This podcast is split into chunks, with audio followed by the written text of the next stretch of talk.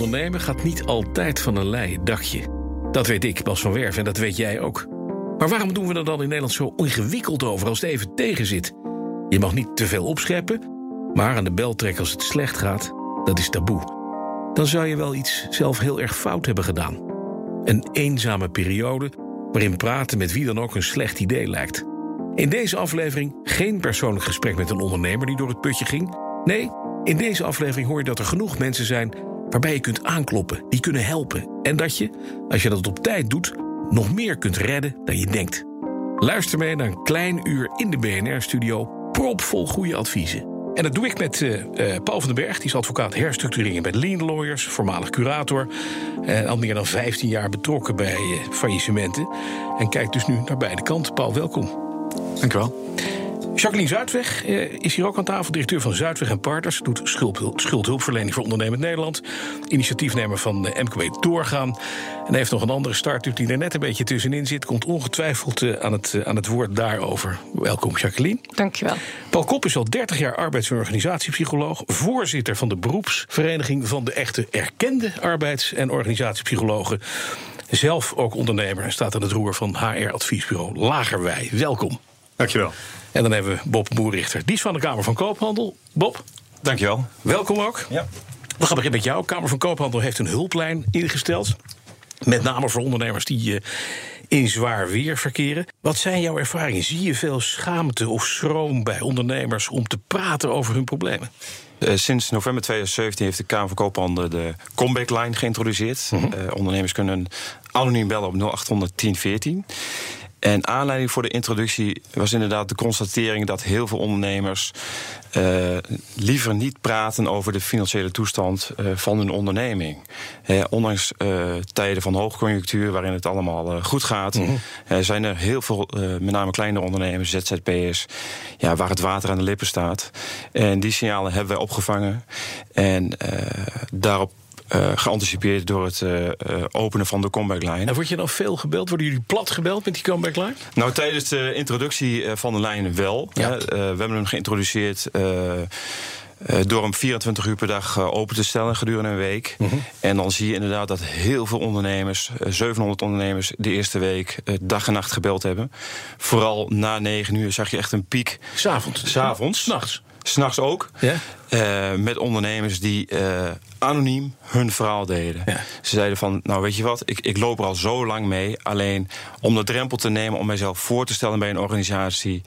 Uh, dat was voor mij echt een hele drempel. Ik vind het heel fijn dat we in eerste instantie anoniem ons verhaal kunnen doen. Ja. En wat je daarna zag is bij een tweede of een derde contact... dat het wel persoonlijk wordt. Ja.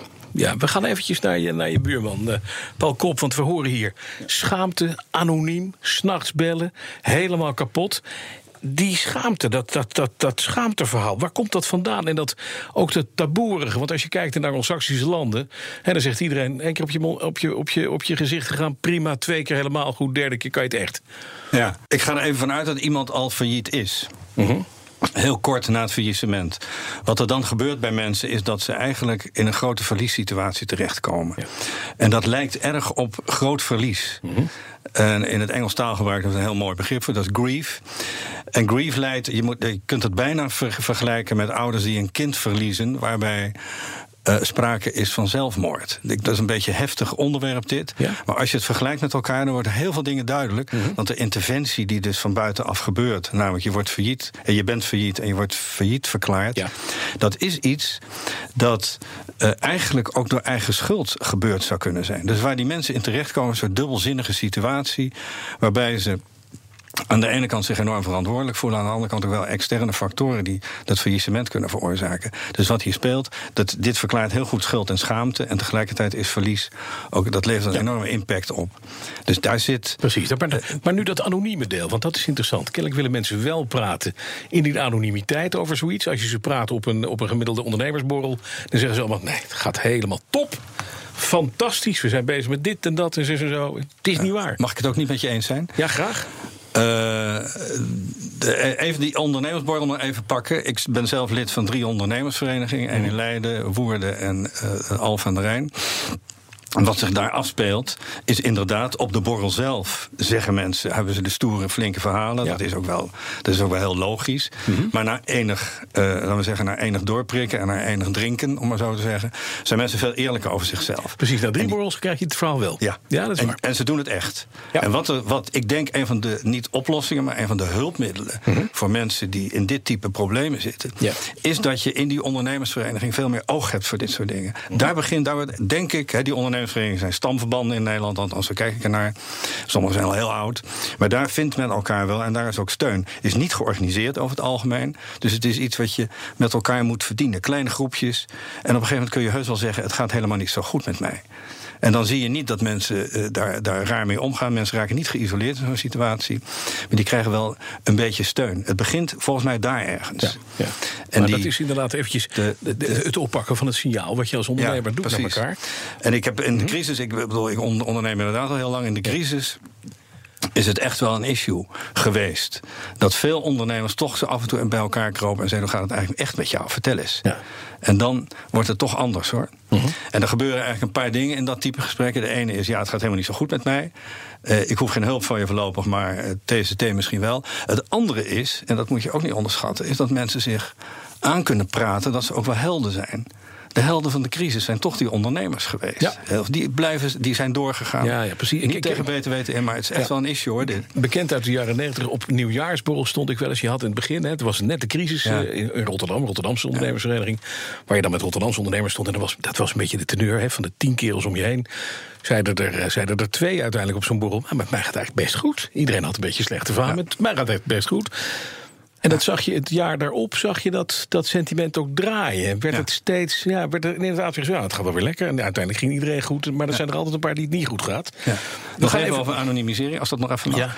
Uh, wat daar, de tegenhanger van anonimisering is stigmatisering. Mhm. Dus een van de redenen, denk ik, dat mensen zich toch anoniem houden lange tijd, is als, als de dood zijn van stigmatisering. Ja, en dat is in onze cultuur. Dat is heel erg omdat wij een stevige wetgeving hebben. Ja, dus er is een relatie tussen stigmatisering en, wetgeving. strenge wetgeving. Okay. Die is er echt. We gaan naar Jacqueline. Jacqueline want we, hadden het over 700 mensen die dan bellen. Je zet een week lang, zet je 24 uur per dag een bellijn open.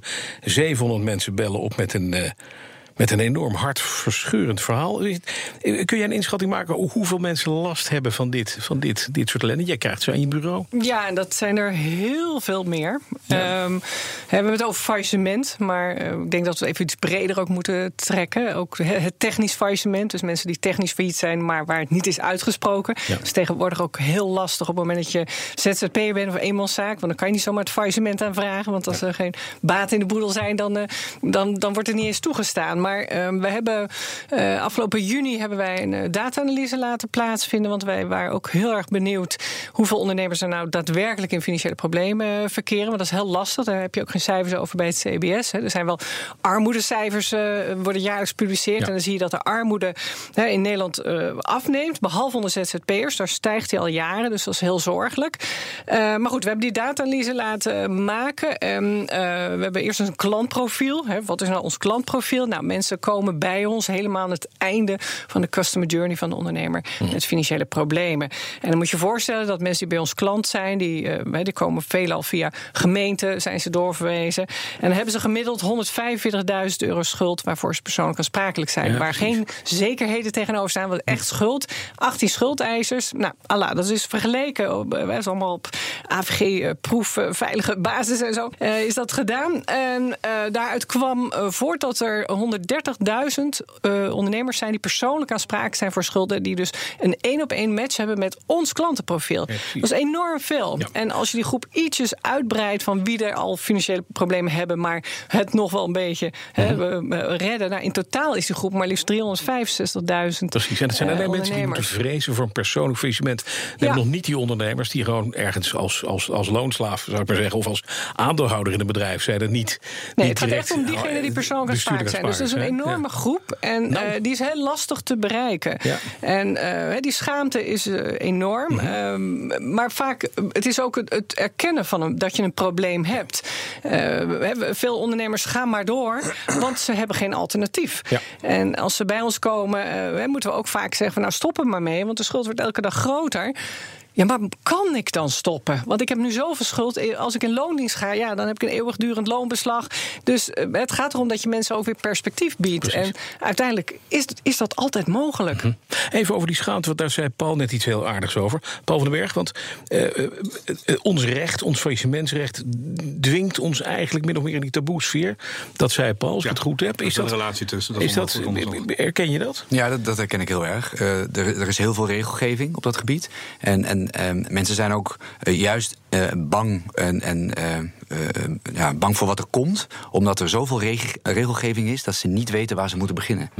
Eh, ik zie in mijn, mijn, mijn, mijn dagelijkse werk als advocaat, waarin ik nu eh, het voordeel heb dat als ik met mensen praat, dat dat vertrouwelijk is.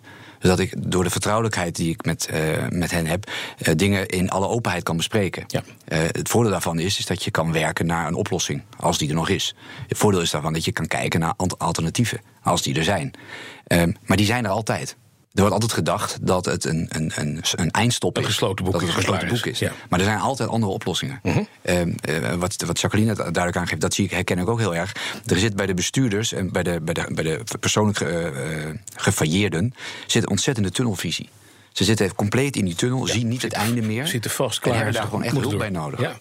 En dat is er ook af en toe gewoon wakker schudden. En inderdaad, ja. wat Jacqueline zegt, eruit halen. En zeggen, joh, kom op. Ja, maar ook de, zijn deel andere- je probleem en je bent halverwege de oplossing. Ja, ja. Dat geef ik altijd mee. Ja. Want het is zo. Ja. Dat- Is dat zo, Paul? Paul Kop? Ja, het is wel. Het is een beetje, de, er, is een, er is wel onderzoek gedaan naar hoe mensen eigenlijk met verliessituaties omgaan. Met name bij faillissementen. En er zijn eigenlijk drie strategieën. Die, de ene is gewoon mensen aan het praten krijgen en veel praten. Achteraf blijkt dat toch niet de beste strategie te zijn. Dus die telefoontjes waar niemand op komt, dat is op de een of andere manier best wel verklaarbaar. Omdat mensen eigenlijk helemaal niet zo graag praten over ellende. Dat Nee, is, maar dat is is ook bij pubers zo. onderzoek, En dat is bij eh, mensen, ik ja. weet wel dat er, daar zit wel dwang achter. Maar een beetje praten is prima. Maar langdurig ermee bezig zijn in gesprekken met anderen... dat helpt niet hoor. Dat helpt zeker niet met leren. Maar er is wel een heel interessant onderzoek eh, geweest twee jaar geleden van de Universiteit eh, Leiden. eh, Ja. Ook van de faculteit eh, Ja. Psychologie. Ook naar de ervaring van mensen die eh, failliet zijn gegaan. En het is inderdaad ja, te vergelijken met een rouwproces. Ja. En eh, ze hebben gekeken naar de gezondheid, dus de lichamelijke gezondheid, maar ook naar de psychische gesteldheid. En wat daaruit eh voortkwam, en dat is eigenlijk ook niet zo verrassend, dat degenen die een goede sociale omgeving hadden eh, en nog een relatie hadden, eh, dat, Ja. dat, dat kan ook een goede familierelatie zijn, die kwamen er goed doorheen. Ja. Maar het merendeel was allemaal gescheiden. Nou, dat herken ik ook wel, want het merendeel van onze klanten hè, die, die zijn al gescheiden of die gaan scheiden. De spanningen zijn heel hoog. En die zijn heel eenzaam. Dus ook het, het, aantal zelfmoordpogingen is enorm hoog. Het is echt onwijs triest. En als je dat artikel leest ook, nou, dan schieten echt de tranen in je ogen. Ook al werk ik al zo lang eh, ja, in deze branche. Ja. Echt verschrikkelijk. We gaan even naar een concreet voorbeeld. Want eh, een belangrijk punt is op tijd signaleren dat er iets niet goed gaat. En dan, en dan in gesprek komen. Vaak is er wat te redden. Eh, kan je dat misschien niet altijd zien. Eh, maar zo niet, hoe ga je dan het beste te werk? Pop, eh, je hebt drie voorbeelden eh, meegenomen van ondernemers voor ons. Laten we eens naar die eerste casus gaan. Meneer X, groente- en fruitteler, gaat een tijdje financieel minder goed met de onderneming. Orders zijn er wel, maar er waren te veel kosten de afgelopen periode. En de onderneming heeft nog wel voldoende liquide om aan lopende verplichtingen te voldoen. Maar dit jaar zijn de prijzen van de producten slecht. Producten leveren veel minder op en het resultaat dit jaar gaat gewoon niet goed zijn. Dat ziet meneer X al van tevoren. Waarom is dit verhaal voor jullie zo interessant? Omdat dit een ondernemer is die vroegtijdig wil anticiperen op problemen. Ja. Eh, van alle ondernemers die ons bellen of gebeld hebben, nou, eh, net zoals wat Jacqueline aangeeft, daar is het eigenlijk al vijf over twaalf. En dan kun je eigenlijk helemaal niets meer, of ja, nou ja, minder doen om de onderneming te redden. Ja. Nou, dit is echt een voorbeeld, vind ik, van een ondernemer die eh, een hulpvraag stelt voordat het te laat is. Hij constateert van, nou oké, eh, eh, de huidige situatie is deze. Ehm, waar kan ik terecht? Wie kan mij helpen? Want dit staat er aan te komen. Ja. dat vind ik een goed voorbeeld. Maar duidelijk, inderdaad, mooi voorbeeld. We gaan even naar Paul, Paul Ja, dit is inderdaad een heel mooi voorbeeld. Dit is eigenlijk een voorbeeld waarop, eh, die, die ik dagelijks eh, veelal krijg in de praktijk als advocaat. Nu zijn er vaak mensen die in deze, met deze problemen kampen. Eh, ze voorzien dat er op ter- termijn iets niet meer gaat zoals ze willen dat het gaat. En van daaruit hulp gaan zoeken, oplossingen gaan zoeken. Nou, komt zo'n ondernemer dan op dat moment bij je, dan kun je echt concreet nog iets voor die ondernemer doen. En dan zijn er zo legio voorbeelden dat je, dat je hier nog mee verder kan. Ik, ik hoorde het net, mijn handen stonden al te jeuken. Maar ik zie zo alweer voorbeelden wat je zou kunnen doen aan samenwerkingen, uh, snijden in de kosten, ergens anders gaan zitten, uh, andere productgroepen zoeken, nou, de, de, verbinding zoeken. Op het moment dat je dat in een vroeg stadium signaleert, dan kun je echt iets betekenen. Anderzijds, je hebt ook een probleem, want je wilt misschien, hè, je moet gaan investeren, ja. allemaal goed en wel. Stel nou dat je in een faillissementsituatie komt en een curator achteraf zegt van ja, maar wacht eventjes, u heeft daar wanbeheer gevoerd, u heeft investeringen gedaan terwijl u wist dat het, het, het, het vooruitzicht was dat er een faillissement aan zat te komen. Dat voelde u zelf, want u heeft een meneer ingehuurd ja. die zelf curator was en herstructurering doet. Uh, uh, u, bent, u bent het bokje, meneer, dat gaat niet goed. Nee, kijk, we hebben een, een sterke, zware wetgeving in Nederland op het gebied van, van uh, faillissementrecht en bestuurdersaansprakelijkheid. Je moet het volgens de regeltjes doen. Die regeltjes die zijn niet uh, strak, die zijn niet zwart-wit. Daar, daar, daar, daar kun je oplossingen in zoeken. De, er hangt een sfeer rondom het faillissement en rondom het begrip curator. Dat dat boze mannen zijn, advocaten, die hakken je volledig in de pan. Daar heeft wel geen land mee te bezuinigen, geen onderhandeling mee te voeren. Dat is niet waar ook die personen zijn op zoek naar een oplossing voor het faillissement. Mhm. Op het moment dat zoiets zich aandient, dan moet je daarover in gesprek. Dan moet je daarover onderhandelen. Dan moet je daarover praten.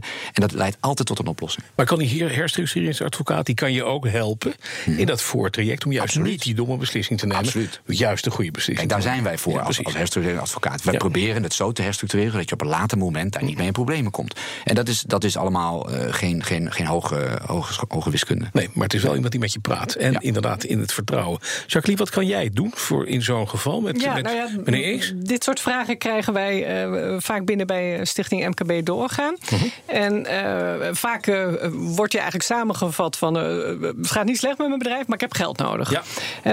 Ik heb geld nodig voor werkkapitaal of om te groeien. En nou, dan vervolgens proberen wij de vraag achter de vraag te weten te komen. Mhm. Want ehm, eh, ja, er zit toch een wat ontkenning in. Dus we gaan het gesprek aan. Er komt ook een bedrijfskundige eh, bij. Die, die, die past ook bij het type ondernemer. En dan wordt niet alleen naar de cijfertjes gekeken, maar ook hè, wat Paul ook kijkt. Je kijkt ook eh, naar alles eromheen, maar ook naar de persoon.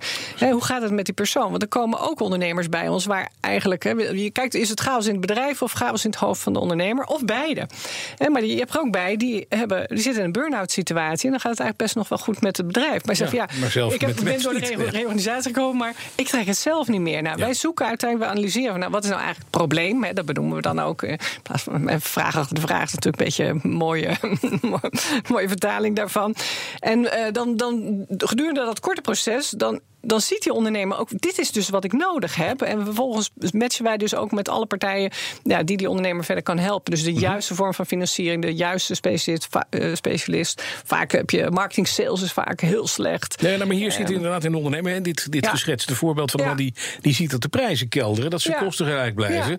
Dat hij slecht kan snijden. Maar en je dat hij kijkt altijd naar de heeft. mogelijkheden van de toekomst. En daar regel je ellende van het verleden. Ja. En, en ja, je moet ook kijken, is het tijdelijk een probleem? Of is het een structureel probleem? Als het structureel is, dan moet je inderdaad kijken... van nou, moet je gaan samenwerken? Eh, is er wel toekomst voor het bedrijf? Hè? Je moet er heel realistisch in zijn. Dus het is heel fijn als je daar, ja, als je daar even een onafhankelijke kijk op, eh, Mhm. op, op krijgt. Ja, wat kan een, wat kan een organisatie, arbeidsorganisatiepsycholoog op zo'n Nou, moment betekenen in wel- het ja, voortraject? Dit is echt een heel leuk voorbeeld.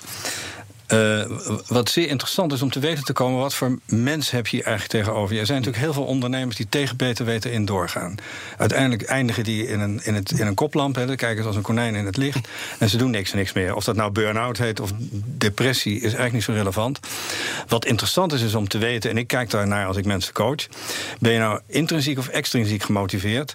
En waarom is dat relevant? Er is eh, re- redelijk een mooi onderzoek beschikbaar over eh, extrinsiek gemotiveerde ondernemers. die op een gegeven moment zeggen: Ik kap ermee. Ik, eh, geld is mij lief, dierbaar, dus ik draai de knop en ik stop ermee. De intrinsiek gemotiveerden, die gaan maar door. Die gaan echt door en dan krijg je uiteindelijk een soort zombiebedrijven. Dat, is, dat woord komt ergens uit de crisis, geloof ik, maar daarvoor bestonden ze ook al. En de kunst is om dat, daar ergens onderscheid in te kunnen maken. Je kan het testen overigens hoor. Er is best wel een mooi instrumentarium beschikbaar om mensen te testen hierop. Ja. Hoe moeten die mensen dat zelf doen? Want dat is natuurlijk interessant. Hè? Nou ja. Je, ziet, je ziet dat iets derailt. Eh, eh, we zijn niet allemaal zelf psychologen. Je komt in zo'n situatie en dan is het... hoe gaan we controle houden? Waar, waar ga je naartoe? Waar ga je aankloppen? Bij wie moet ik nou als eerste eens aankloppen als, als ik dit herken? Ja. Moet ik naar die herstructureringsadvocaat, naar de schuldhulpverlening, naar de organisatiepsycholoog of bij de Kamer van Koophandel bellen? Nou ja, daar hebben wij, de Stichting MKB Doorgaan, eh, met hulp van provincies in het leven voor geroepen.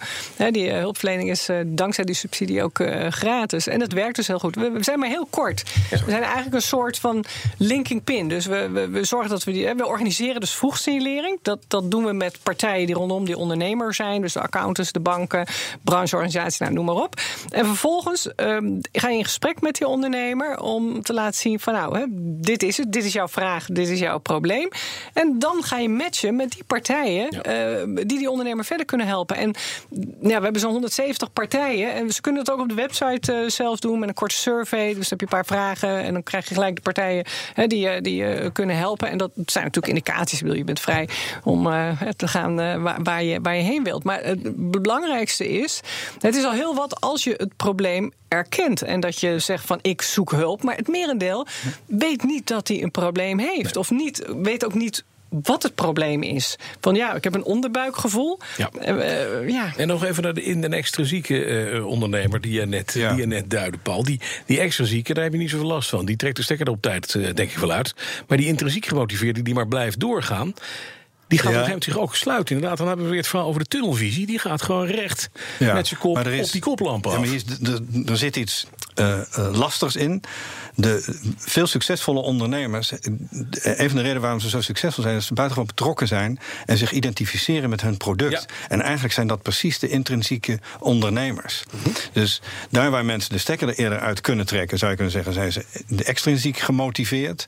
Dat wil zeggen, ze hebben gewoon economische principes. Ze zijn dol op geld en denken, nou, ik verlies nu veel te veel geld, dus daar wil ik een keer, dat moet ik een keer stoppen. Maar die intrinsiek gemotiveerde is moeilijk af te stoppen hoor. Mhm. En ik, je hebt wel een enorm punt, je herkent ze niet. Je kan het niet zomaar zien aan de buitenkant. Je kan er wel over praten met mensen. Dat is natuurlijk wel een, punt. Ja. En dat maar is... als ik daar mag aanvullen, ik denk wel dat als wij in, in, in onze samenleving meer openstaan voor dit soort oplossingen. En ook vast te stellen dat het dus niet erg is om te falen.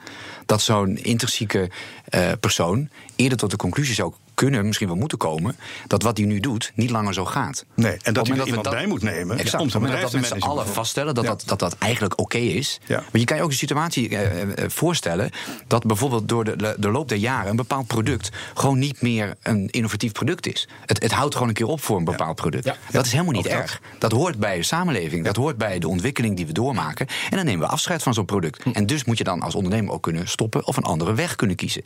Dat, dat staat eigenlijk los van een faillissement ja, vind ik. Precies, maar als er alles aanhangt, inderdaad, je bent zo intrinsiek gemotiveerd door alles. Je hele leven, is, leven. is dat tuinmeubel. Ja, ja. ja dan maar je moet alternatieven kunnen bieden en met name perspectief. Ja, ja precies. Uh, nog eventjes, want dit was mooi. Het gaat ook over een beetje over cultuur. Hè? Mm -hmm. Bij ons is het cultureel bepaald. Uh, ik zei al, je krijgt een kruisje voor voorhoofd. Want, want, je, bent, je bent gestruikeld, dat is nooit mooi. Dan heb je in schuldhulpverlening gezeten. Nou, dat is ook een beetje, een beetje naar. Dat moet je dan gaan vertellen. Want dan ben je eigenlijk gewoon keihard gefaald als ondernemer. Hoe gaan we die culturele slag nou maken dat we daarvan zeggen: ja, weet je, dit kan iedere gek overkomen. Je bent een goede ondernemer, intrinsiek gemotiveerd. Het is eventjes, misschien door eigen pech, door buiten, buitenpech, uh, niet gelukt. Klaar, we gaan door. Hoe krijgen we die cultuurslag? Nou, ik, ik denk uh, persoonlijk vanuit mijn, mijn, mijn uh, beroep als advocaat... dat je daar heel transparant over moet zijn. Dus je moet transparant en je moet, je moet daar doorheen breken. Um, kijk, in, in, je hebt net al in het intro aangegeven... hoe dat in bijvoorbeeld de, de VS in de UK gaat. Daar ligt dat veel meer, veel opener. Daar drie keer vallen, drie keer struikelen... en dan ben je een goede ondernemer. Ja. Nou, dat herken ik helemaal. Dat hebben wij hier niet. Dat komt omdat we eh, van nature een cultuur hebben dat we het meer naar binnen trekken. Mhm. We zouden dat veel meer open moeten gooien. We zouden er veel meer open over moeten praten. In Amerika nu hebben ze de fuck-up nights. Nee, dan ga je gewoon met z'n allen. Dat is ook in Nederland. Dat is in Nederland ja, dat is wereldwijd. Ja, dat begint nu langzaam te komen. Dat zorgt toch voor volle zalen ook. Dat is interessant. Dan zie je alleen maar jonge mensen. Ja, klopt. In Nederland. Nou, ik was er ook. maar ja, Jacqueline, daar hoor je dus bij. Dat bij deze graag gaan. Maar, maar dat is, dat is wel. Daar wordt gevierd. Je wordt gevierd dat je, dat je af en toe onderuit gaat. waarom niet? Want je, je viert successen, dat snap ik. Maar ook verliezen moet je ook vieren in de zin van daar ga je wat van leren. Ja, maar wij gaan s'nachts bellen met de hulplijn van de Kamer van Koophandel. Ja. Nou, ondernemers natuurlijk vallen, opstaan en weer doorgaan. Maar uh, de meesten weten niet. Wat, wat, wat hebben wij... Het begint bij de start. Ja. Wat, wat, wat, wat voor beeld hebben wij met ondernemen? Starten, groeien, succesvol zijn. En niemand heeft een plan B. Want dat bestaat niet. Je, je gaat toch gewoon een succes goed maken. ja. Ja. en inderdaad, die angst op het moment dat het dan niet goed gaat. Ja, op, het gebeurt ook dat mensen het probleem delen. Nou, en dan krijg je beste stuurlui staan aan wal. Ja, maar dan had je die bus niet moeten nemen. Die had je niet moeten leasen. Je had dat niet moeten doen. We, staan, we hebben allemaal een mening. Ja. En, en daar zijn heel veel mensen gewoon, gewoon heel erg bang voor. Top. De, ja, herkenbaar inderdaad. En aan aanleiding van die campagne hebben ook heel veel eh, overheidsinstanties. Eh, commerciële initiatieven hebben contact opgenomen met de Kamer van hey, wat een goed initiatief. Hè, eh, kunnen we aanhaken? Kunnen we samen iets doen? Kunnen jullie doorverwijzen? Eh, wij kunnen een rol betekenen in het hele verhaal. En wat je merkt is, is toch dat het gewoon. het is niet een, een, een item wat kan worden opgelost door één organisatie, volgens mij. Het is eigenlijk een maatschappelijk probleem. En wat Jacqueline ook aangeeft, van, ja, als je het hebt over de start van een bedrijf, ligt er ook een rol in het voorlichten van die ondernemers dat tijden van slecht weer, dat dat gewoon eh, onderdeel is van een cyclus, net zoals eh, de economie, zeg maar. Eh, je hebt vette jaren en je hebt magere jaren.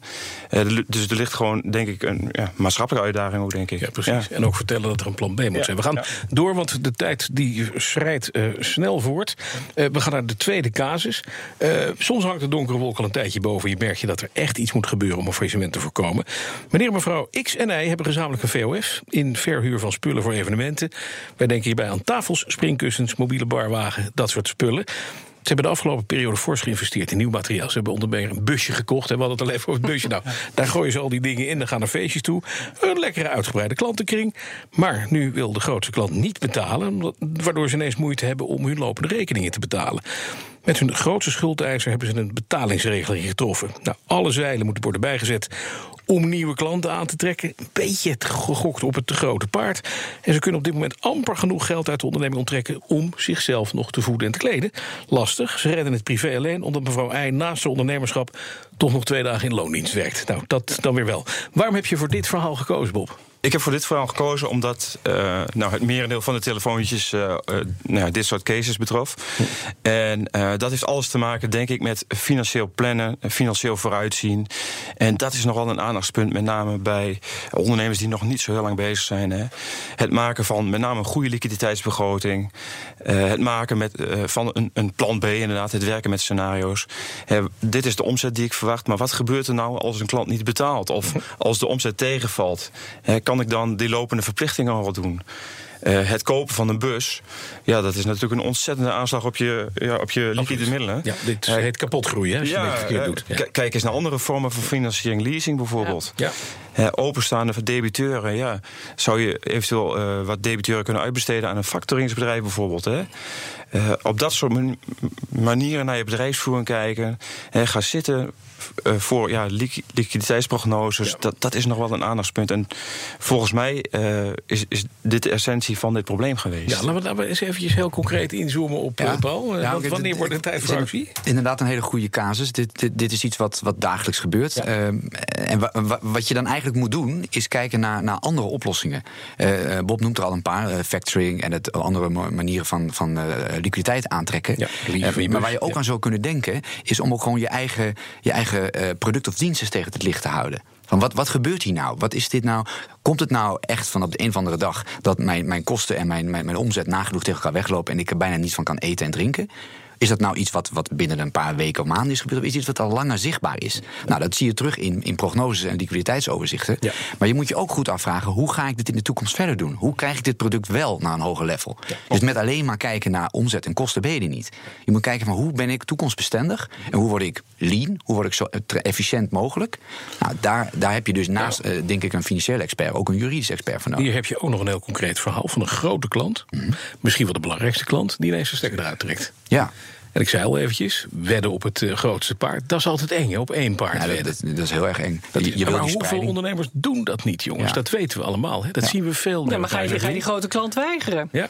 Eh, Ik ga mezelf maar na. Ik werk voor de gemeente Amsterdam. Dat is mijn grootste opdrachtgever. Ja, ja. Maar die is ook eh, voor mij heel belangrijk. Niet alleen omdat het de grootste is, maar, maar ook eh, heeft ook een bepaalde marketingwaarde, zeg Absoluut, maar. want ik werk voor de gemeente Amsterdam. Ja, dus dan eens. moet je. Ja, en, En dat dan weten zij ook. weet je ook dat die prijs enorm onder druk staat. De vergoeding die je daarvoor krijgt. Ja. Ja, ja dus je, hè, maar we hebben het ook over financiën. Ja. En is het natuurlijk. Hè, Nee, maar even, ik, vind het, ik vind het een heel leuk verhaal. Want hoe ver ga je als ondernemer? Ja, dat in het, klopt. Binnenhouden en blijven hengelen aan die klant. Ja, terwijl maar die dan moet ondertussen je denkt, dus ja, heel ver. veel Die ervaring afhankelijkheidsrelatie hebben, ook is er. met je cijfers. Precies. En dat is natuurlijk ook iets.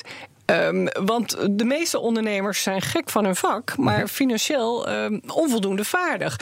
En dan is natuurlijk de vraag van ja, eh, het meerdere wat wij tegenkomen is ja, maar dat ligt bij mijn boekhouder of dat ligt bij de accountant. En, en ze hebben geen idee wat er onderaan de streep overblijft. Eh, ik heb een geweldig bedrijf, want ik groei, moest kijken, ik ben van omzet van hier naar daar gegaan. En eh, ondernemers denken graag in omzet, maar niet wat er onderaan de streep overblijft. En ik heb deze zomer ehm, een paar boeken gelezen. En, en onder andere Profit First. Nou, misschien heb je dat wel meegekregen.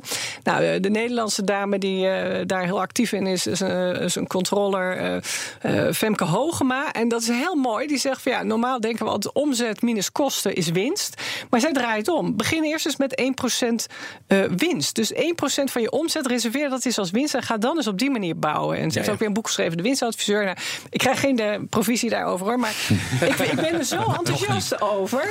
Ja, maar ik ben heel enthousiast over. Want het zou heel veel ondernemers helpen om te doorgronden van ja. eh, want wat wil je nou eindelijk? Je precies, wil dat- toch ik het liefst prettig leven. Dat, dat is wat ik net bedoel. Kijk nou verder dan alleen Ja. de, de einde van de week eh, omzet Omzet, kosten. klopt. Maar ja, verder, wat gaat je product ja, maar kleine ondernemers ja, die hebben vaak geen budget om een, een goed financieel specialist in te huren of een marketingspecialist. Ja, en dan moet je kijken ja, welke alternatieven zijn er. Ja, en als je die niet weet, Ja. Nee, Jacqueline best zegt, eh, sturen op cijfers is daarin echt key. Je moet, je moet weten waar je staat en je moet dat eigenlijk elk moment van de, van de week, van de dag, moet, moet je dat weten.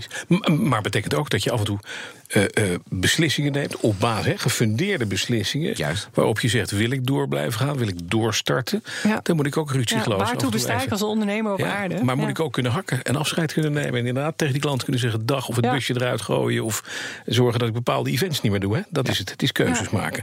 Zo'n zo doorstart. Want als we praten over doorstart. Welke, welke vormen van doorstart zijn er überhaupt mogelijk? Nou, die, die zijn er in vele varianten. Ja. En doorstart is een algemeen begrip. Het, zegt het al. We, we- na een faillissement gaan wij verder in een andere vergelijkbare vorm. Ja.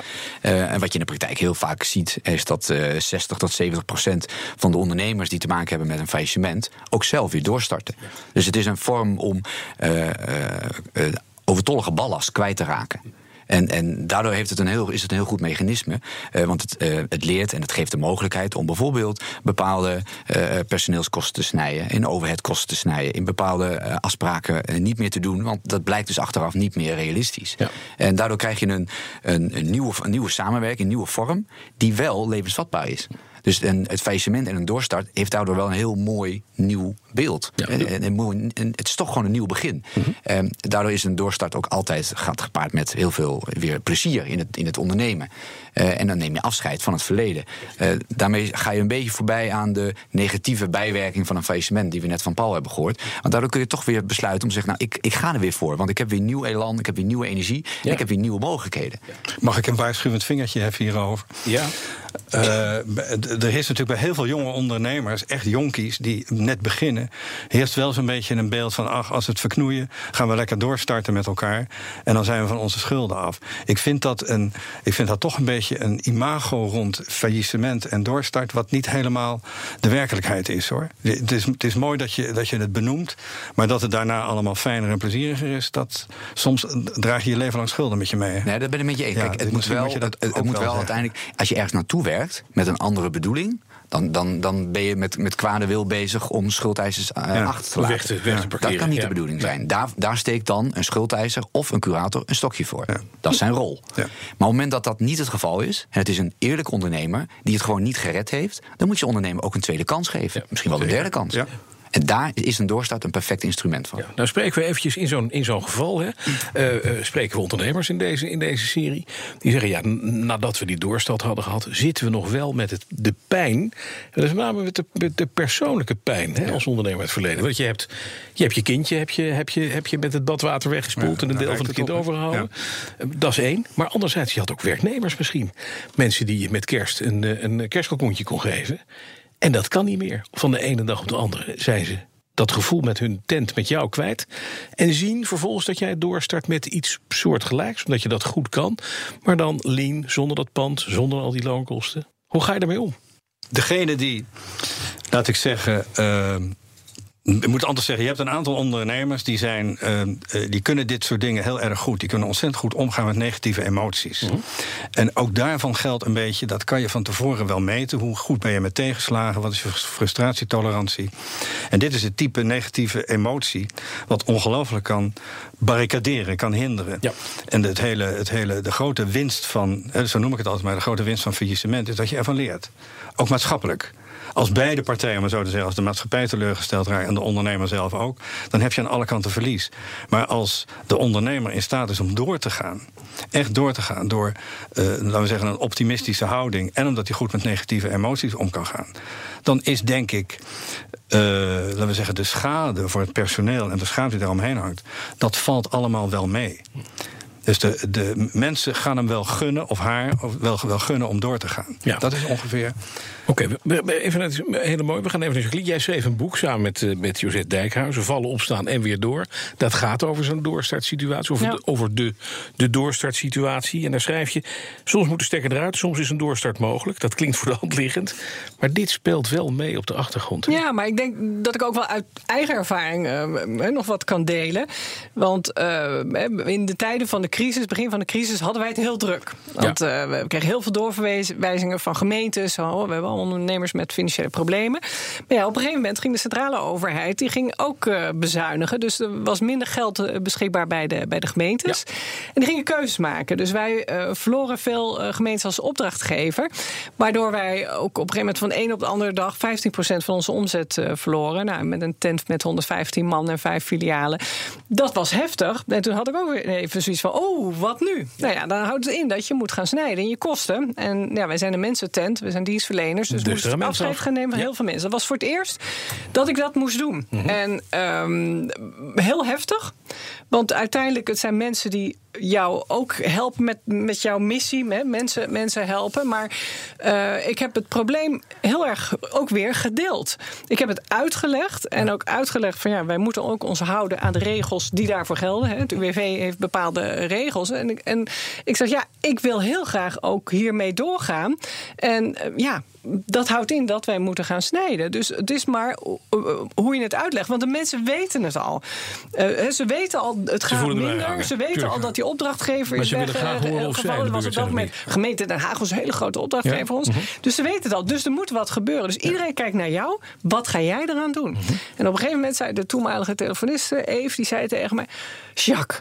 Ze zegt, mag ik jou wat vragen? Ik zei, ja hoor. Ze zegt, hoe kan het nou dat jij vrolijk door het pand loopt... terwijl we afscheid moeten nemen van zoveel collega's? Ik zei, ja, maar ik, zei, ik heb een plan hoe we door kunnen gaan. Oh, zegt ze, dan is het goed. Ja. Mag ik daar iets op aanvullen? Ja. Uh, de, het hele fenomeen geloofwaardigheid en precisie speelt hier een enorme rol. Uit, uh, uit echt interessant onderzoek blijkt dat daar waar mensen een goed verhaal hebben. Uh, dat dat veel sterker doorwerkt naar voorwaarts gaan als onder, ondernemer. dan dat je nou precies gaat vertellen wat er allemaal gebeurd is. Het is ook heel menselijk. Hè? Dus de, naarmate de tijd voortschrijdt, wordt je verhaal ook beter. En het is echt wel iets wat helpt en wat serieus aandacht verdient, dit. En volgens mij is dat jouw verhaal ook. Ja, dat is dus echt, je moet ook echt ja, delen. Wel, Mensen voelen het wel. Ja. En dan denk je zo, oh ja, de werkvloer, mooi. Weet je, die gaan we pas als laatste informeren. Ja. Terwijl die heb je wel nodig, een groot deel, om, om weer door te kunnen, kunnen gaan. En dan heb je bijvoorbeeld, hè, dan in 84 begonnen met die, met, die, met die leuke receptionisten die je jarenlang bij je hebt gehad. 94, ja. Over 94, sorry. Ja. En daar moet je dan afscheid Klopt. van nemen. Ja, ik heb nog steeds contact met haar. Uh, ja, ze heeft helaas nog steeds geen werk, want ze was nog behoorlijk op leeftijd. Als ik mag ja. aanvullen, bedenk goed dat als je die, die, die stappen niet neemt, ja, dan, dan heeft is het einde oefening. Ja, dan uh, had ik jou dus misschien als curator gehad. Het, uh, ja. ja. nee, maar dat is zo. Maar het, is, het voelt niet goed. Want nee. dat is het ergste. Kijk, de rest is alleen maar cijfers en uh, nee. alles regelen. En maar afscheid van, nemen van mensen, dat is in en in verdrietig. Dat is pijnlijk. Dat blijft verdrietig. Ja. ja. Reken je er zelf dat dan toe ook? Of? Nee, ik kan er wel. Ah. Rationeel kun je het wel plaatsen. Nee, je kan zeggen, de gemeente Den Haag viel weg en we hadden gewoon niet kunnen voorzien. Ja, maar dat. het is niet zo even makkelijk en nee. oh, ik draai me s'nachts weer om en uh, gaan we lekker we slapen. slapen. Nee, nee, daar lig je ook wel wakker van. Want, want ja. je denkt, je zal het zelf maar zijn. Dus ik verplaats me altijd in de situatie van de ander. En dan denk ik, ja, weet je, er was ook een moeder en ja. was gescheiden en uh, ja, opgroeiende pubers.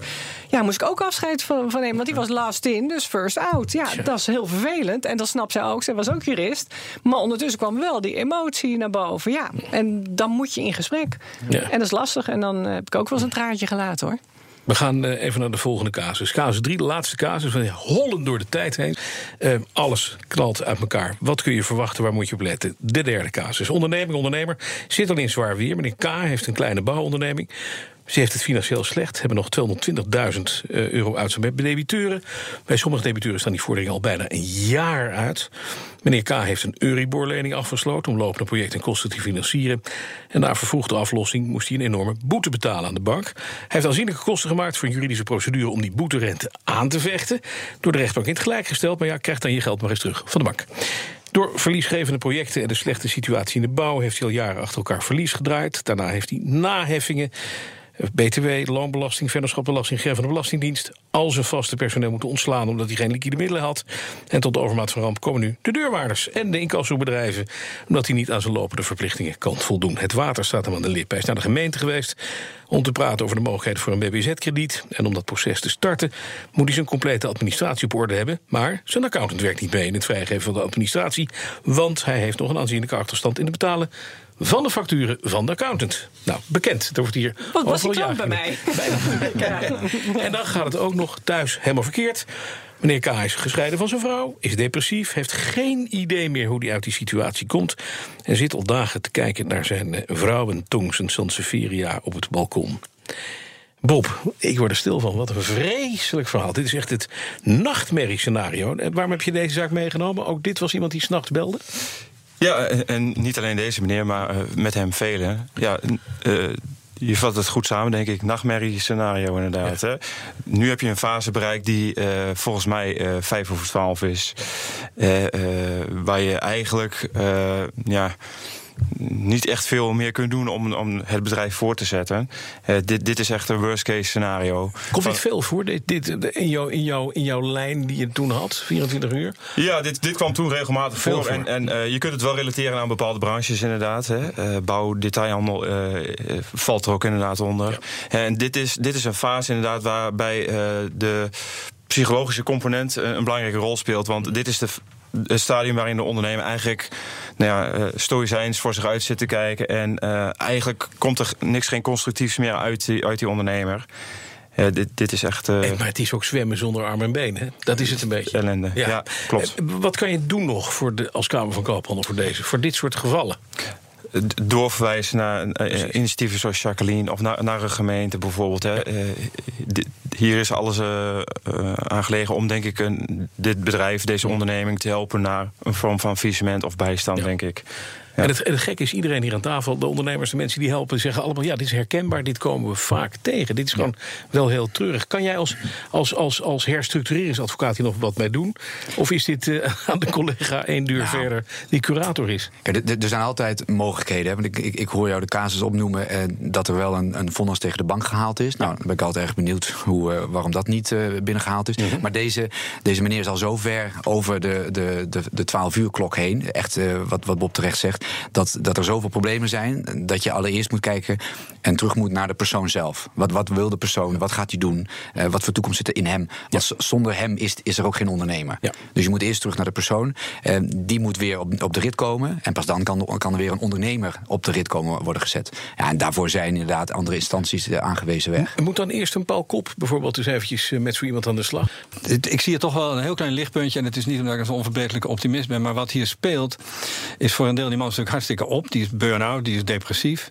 Dat begint vaak met eindeloos uit het raam kijken. Dat, daar begint het herstel al. Dus op zich, uh, als ik met, met zo iemand in contact kom, en dat gebeurt heus wel, dat is dan vooral de burn-out dan gaan we eerst maar eens even gewoon met de benen op tafel zitten en een paar uur naar elkaar kijken. En als mensen iets willen zeggen, vind ik het best. En als ze niks willen zeggen, is het ook goed. Dit is, dit is niet een therapeutische benadering, maar echt een coachende benadering. Omdat ik inschat dat naar voren kijken, ook bij dit soort laten we zeggen, dit soort kwesties wel erg relevant is. Erg gaan terugkijken in dit stadium gaat niet helpen. Dus de, de, en de blokkades moeten natuurlijk op de een of andere manier wel op, opgeheven worden. Ja. Maar ik denk dat je inderdaad, je zou, het zou goed zijn als we dit mensen, deze kwesties, veel eerder bij de psycholoog terecht zouden komen. Ja. Dat zou ik wel erg voor willen pleiten, eerlijk gezegd. En niet om het zielig te maken, maar juist om toch die, laten we zeggen, daar waar confrontatie niet zo nodig is, dat dan ook maar even niet te doen. Mm -hmm. We weten daar eigenlijk best wel veel van, hoe je je hiermee om moet gaan. Nee, dat is moeilijk. En dan zijn we weer terug bij het schaamteverhaal. Ja. Kom daar maar eens voorbij. Jacqueline, jij wil reageren. Ja, eh, wat, wat altijd wel helpt, en natuurlijk het is afhankelijk van de persoon die eh, voor, je, voor je zit. Eh, ik, stel, ik stel altijd de vraag: ja, wat als je morgen wakker wordt en je hebt geen schulden? Hè? Zeggen ze, nou, precies zoals ik de vraag stel. Je wordt wakker, je hebt geen schulden. Wat zou je het liefste doen? Nou, dan, dan, dan merk je hoe iemand reageert. En sommigen zeggen van, nou, dan word ik eh, reisleider in Griekenland. Ja. Dan zeg ik, wat houd je tegen? Doen? Ja. Ja, nee, maar er zijn er ook bij die zeggen: ja, maar ik wil heel graag door met, je bedrijf, met mijn bedrijf. Ik Ja. zeg: oké, maar hè, zou je dan eh, je zakelijke vaste lasten kunnen voldoen uit de omzet? Hè? Nog, je hebt geen schulden, kan je voorzien in je levensonderhoud en hou je een stukje aflossingscapaciteit over. Natuurlijk hè, vertalen we dat wel, wel even als dat nodig is. En als dat volmondig ja is, dan zou het kunnen zijn dat je mogelijk een levensvatbaar bedrijf eh, hebt. En dan gaan wij op die manier zo'n traject starten. Nou, het blijkt dat de ondernemers die op die vraag volmondig ja eh, ze- zeggen, dat uiteindelijk ook 80% die eh, doorstart ook maakt. Dan is er nog een doorstart zonder faillissement, maar een buitengerechtelijke doorstart. Dus die gaan nog door. Ehm, en dan kunnen we op die manier, want het wil is er nog en er is er toch nog wel wat levensvatbaarheid. Maar is het volmondig nee? Nou, dan gaan we verder puin ruimen. En dan eh, zeggen we, nou, je moet wel inkomsten hebben. Dus eh, ga maar werken. Ja, en dan hebben we drie maanden, eh, hè, je hebt drie maanden time-out, zeg maar, om te, werk te vinden. Kijken of dat ook gaat lukken, of ze dat ook kunnen opbrengen. En dan eventueel komt maatschappelijk werk er nog bij en alles. Maar de meeste ondernemers die, die zeggen van nou, ik wil best wel een baan als van daaruit een schuldregeling mogelijk is, die krijgen ook wel een baan. En vooral in de, toen de tijd met die bouwcrisis, nou ja, konden ze vervolgens konden ze weer als bedrijfsleider ergens aan, aan, aan de slag. En dan, eh, ja, dan heb je de mogelijkheid vanuit de wet schuldsanering natuurlijk personen eh, om in drie jaar toch weer van die schulden af te komen. Precies. En doe je eerst een middelijk traject. Als dat niet lukt, dan eh, via de rechter. Dus er zijn echt wel mogelijkheden. Want ik zeg, het is maar geld. En het is het belangrijkste dat Ja. jij weer, eh, ja, dat je Dat perspectief je uitzicht hebt, krijgt. precies. Ja, inderdaad, daar dat helpen eh, mensen bij. Maar ze moeten het wel zelf doen. Ja, je moet het dat zelf doen. wel, eh, en je moet het uiteindelijk ook weer recht breien. Ja. Toch even nog naar het voortraject. We komen nu in een faillissement, eh, Paul van den Berg. Eh, Dan zijn er curatoren. En je zei het al, curatoren worden vaak gezien als de boze. De boze boeman die optreedt namens de schuldeisers. Die komt even saneren. Die verkoopt de hele binnenkant van je tent. Wat jij jarenlang met, met bloed, zweet en tranen hebt opgebouwd. Die komt zo'n joch van 26 in een pak. Die komt de inventaris even opnemen. Die belt jouw schuldeisers. Die gooit eerst een stuk naar de fiscus. En wat er verder overblijft mag jij hebben. Het is, je wordt niet geholpen. Hoe fout is dat beeld? Ja, dat, eh, je schetst het wel heel mooi, moet ik zeggen. Eh, dat, beeld is wel heel fout. In de praktijk eh, gebeurt dat nauwelijks. Het, het gebeurt. Dat er, dat er bepaalde curatoren komen die minder rekening houden met. Ja, gevoelens, eh, ideeën, eh, eh, personeel, et cetera. Maar door, over het algemeen hebben wij in Nederland hele goede opgeleide curatoren. En die weten hoe dat moet. En daar zit, een, daar zit ook een, eh, een stukje, stukje opleiding achter. Die curatoren worden ook opgeleid. Eh, de, de, de Er zijn vaak zelf geen zich. ondernemers. Hè? Het zijn gewoon Nee, het juristen. zijn vaak geen ondernemers, maar het zijn wel juristen. En het zijn, het zijn ook mensen. En die proberen dat ook gewoon zo goed en te kwaad te doen... volgens de regeltjes van de wet. En als je als ondernemer niks te verbergen hebt... en je doet het gewoon ook volgens de regeltjes van de wet... dan kom je daar altijd uit. Mhm. Ja, En Misschien heb je daar wat hulp bij nodig. Misschien kun je dat zelf.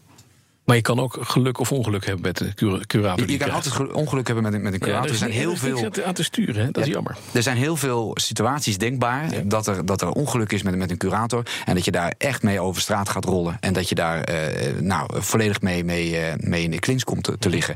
Eh, dan moet je een, ook een, een advocaat zoeken. Dan moet je ook een adviseur zoeken die jou daarbij helpt. En het, het goed het tegengewicht biedt tegen deze persoon. Die natuurlijk op dat moment een, onder, als curator binnentreedt. En alle rechten en alle mogelijkheden heeft. Je bent alles van op dat moment kwijt. Je moet echt letterlijk je sleutel inleveren. Precies. En je Eh, en, administratie. en dan ben je dus echt Alles, alles, de alles. controle en Be- beheer beter is om, om nog een specialist in te huren. Exact. Net voordat je failliet gaat, zodat je weet wat je te wachten staat. En dus laat je informeren en laat je bij- bijstaan voor zover je die mogelijkheden hebt. Ja, precies. Als je die betalen kunt. die Ja, goed, als daar financiële mogelijkheden moet je dat natuurlijk altijd doen. Ja, maar veelal kan dat niet. Hè. V- Veelal gebeurt dat op het laatste moment niet. Gaan mensen toch eh, eh, stormen ze zo'n faillissement in, komen ze met een curator, en komen ze curator tegen die hun niet uh, wel gewillig is. Ja, dan, dan, zien, dan komen er problemen. Ja, dan ligt daar het lijk. En, en mensen uh, vragen ook wel te snel faillissement aan. Of denken van, oh, ik moet nu mijn faillissement aanvragen. Mm -hmm. we, hebben wel voorbeelden van, van ZZP'ers die dan een paar jaar goed gedraaid hebben. Nou, dan komt de belasting. En ja, dat is nou net in een jaar dat het wat minder gaat.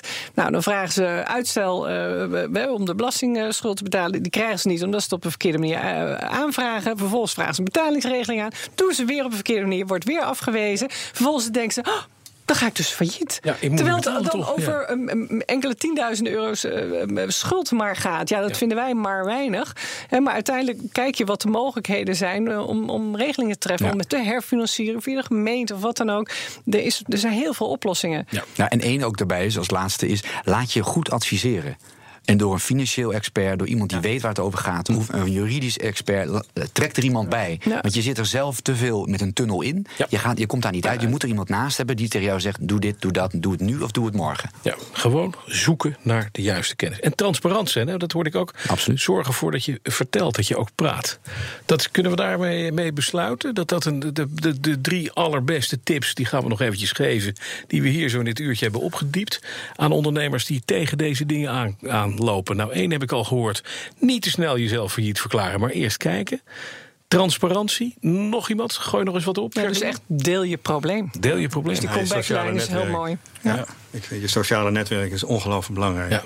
Ja. Veel te veel managers, veel te veel ondernemers zijn geïsoleerd. Veel te veel.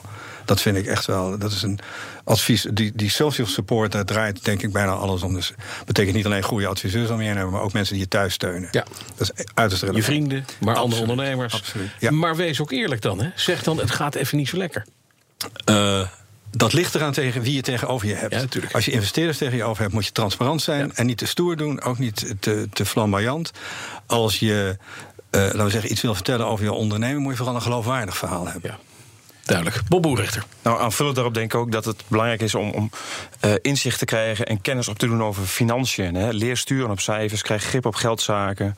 Uh, want dat is toch wel vaak de basis voor investeringen.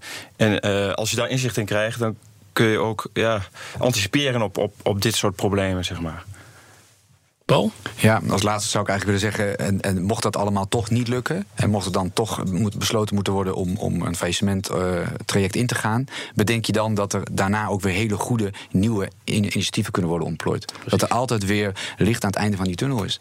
Ja. Uh, dat merk ik in de praktijk heel vaak mee. De, de, de doorstarten en de, de nieuwe ontwikkelingen die we hebben gedaan... zijn bijna altijd wel weer succesvol op ja. hun manier. Want je leert uiteindelijk hè, van het faillissement. Dat is de bottom line.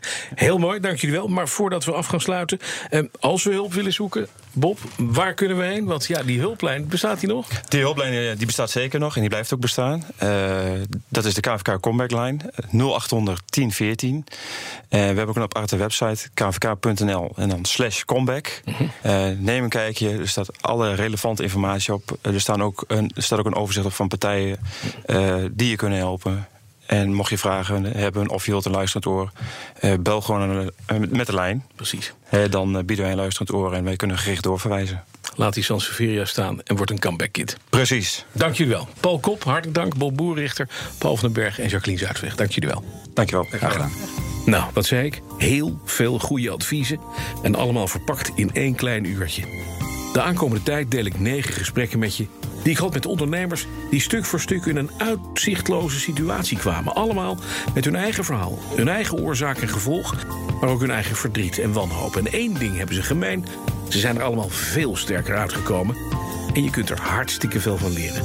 Geloof me, luister dus. Meer over deze podcastserie kun je vinden op bnr.nl/slash ondernemerstaboe. Mede mogelijk gemaakt door KVK. KVK werkt voor ondernemers.